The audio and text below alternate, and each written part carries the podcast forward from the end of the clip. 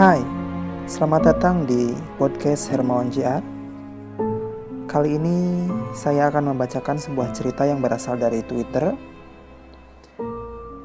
at Haryangga underscore H A R I A N G G A underscore yang berjudul Bertemu Arwah Pendaki di Gunung Salak. Jadi buat teman-teman yang mau membaca versi aslinya bisa langsung kunjungi twitternya di @haryangga underscore ya.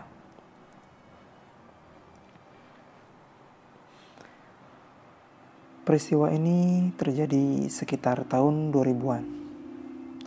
Saat itu, om gue masih aktif sebagai mahasiswa di salah satu kampus. Seperti kebanyakan mahasiswa yang lain, dia aktif dalam setiap kegiatan-kegiatan kampus. Bonar. Biasa om gue dipanggil kawannya. Bonar ini gemar berpetualang ke alam terbuka dan sudah tentu mendaki gunung. Pada beberapa kesempatan, Bonar juga aktif sebagai relawan ketika ada kejadian atau bencana. Pada suatu sore, Bonar sedang berkumpul dengan teman kampusnya. Saat itu Bonar berkeinginan mendaki gunung dan mengajak beberapa teman, tapi tidak direspon oleh temannya.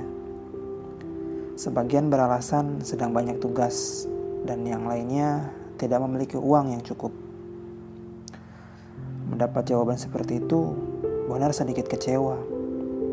Namun pada akhirnya dia memutuskan untuk tetap berangkat. Bermodalkan beberapa barang yang dipinjamkan oleh temannya, Bonar bertekad akan mendaki walau seorang diri. Tujuannya saat itu adalah Gunung Salak. Temannya sempat meyakinkan Bonar, "Lu yakin mau jalan sendiri?" tanya salah satu temannya. "Iya, gue yakin kok. Insya Allah semua aman." Bonar menjawab dengan percaya diri dan berpamitan kepada temannya. Siang harinya Bonar berangkat menuju pos pendakian Pasir Rengit di Pamijahan, Kabupaten Bogor. Gunung Salak juga memiliki beberapa jalur pendakian selain Pasir Rengit, yaitu pendaki bisa melalui jalur Cidahu, Kabupaten Sukabumi. Bonar bukan orang yang baru mengenal Gunung Salak. Beberapa waktu sebelumnya, ia juga pernah ke Gunung Salak bersama beberapa teman kampusnya. Ia juga pernah ikut upaya evakuasi pendaki yang mengalami hipotermia di sana.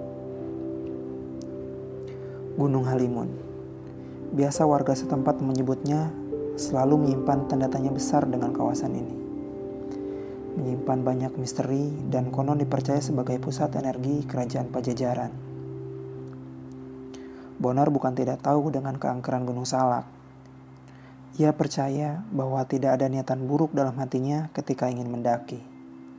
Niatnya tulus, merindukan hijau dan sejuknya alam Gunung Salak.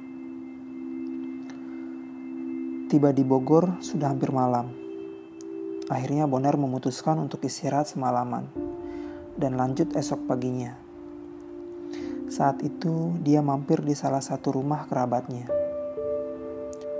Pada saat sedang istirahat, ia bertanya arti dari kata Gunung Halimun. Lalu saudaranya menjawab, Halimun adalah istilah kata dalam bahasa Sunda yang artinya tidak terlihat. Bisa juga diartikan sebagai kabut yang menutupi sesuatu hingga tidak terlihat. Singkat cerita, pagi harinya Bonar bergegas menuju Pasir Rengit. Lalu mendaftarkan diri ke pos pendakian Petugas menanyakan perbekalan yang dibawa karena seorang diri Bonar bergabung dengan regu pendaki lain. Rencana Bonar saat itu tidak akan menginap. Dia akan kembali turun tak lama setelah sampai di puncak Salak. Lalu ia pun memulai perjalanan bersama dengan pendaki lain, yang saat itu jumlahnya tidak lebih dari enam orang. Saat dalam perjalanan, Bonar izin untuk jalan lebih dulu karena mengejar waktu agar tidak terlalu malam saat kembali turun ke pasir rengit. Akhirnya, Bonar pun berpisah dengan regu tersebut. Hari itu cuaca cerah. Bonar berjalan seorang diri di tengah rimbunnya hutan Gunung Salak. Sampai di Kawah Ratu, Bonar terus melanjutkan perjalanan menuju puncak. Merasa kelelahan, akhirnya Bonar rehat untuk minum. Langit mulai tertutup awan seperti akan turun hujan, padahal hari masih siang saat itu. Cuaca di wilayah Gunung Salak memang sulit diprediksi. Menjelang sore, rintik hujan mulai turun melewati pohon-pohon tinggi. Bonar berhenti untuk menggunakan jas hujan. Tak terlihat satupun pendaki yang akan naik turun. Tak lama berjalan, hujan pun berhenti, tapi kabut mulai turun menyelimuti. Dari kejauhan, ada seorang pendaki, seorang diri yang hendak turun. Bonar menyapa pendaki tersebut. Mau turun bang? Iya nih, takut kesorean jawab pendaki tersebut.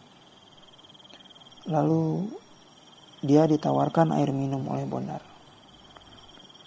Silakan bang, ini kalau mau minum. Pendaki tersebut menerima tawaran Bonar. Lalu keduanya mengobrol. Saat Bonar akan pamit, pendaki tersebut menitip pesan kepada Bonar. Oh iya bang, boleh minta tolong ya? Nanti kalau sudah turun kembali ke pos, saya titip pesan. Kemarin saya jatuh dan mayat saya ada di dasar jurang sekitar sini.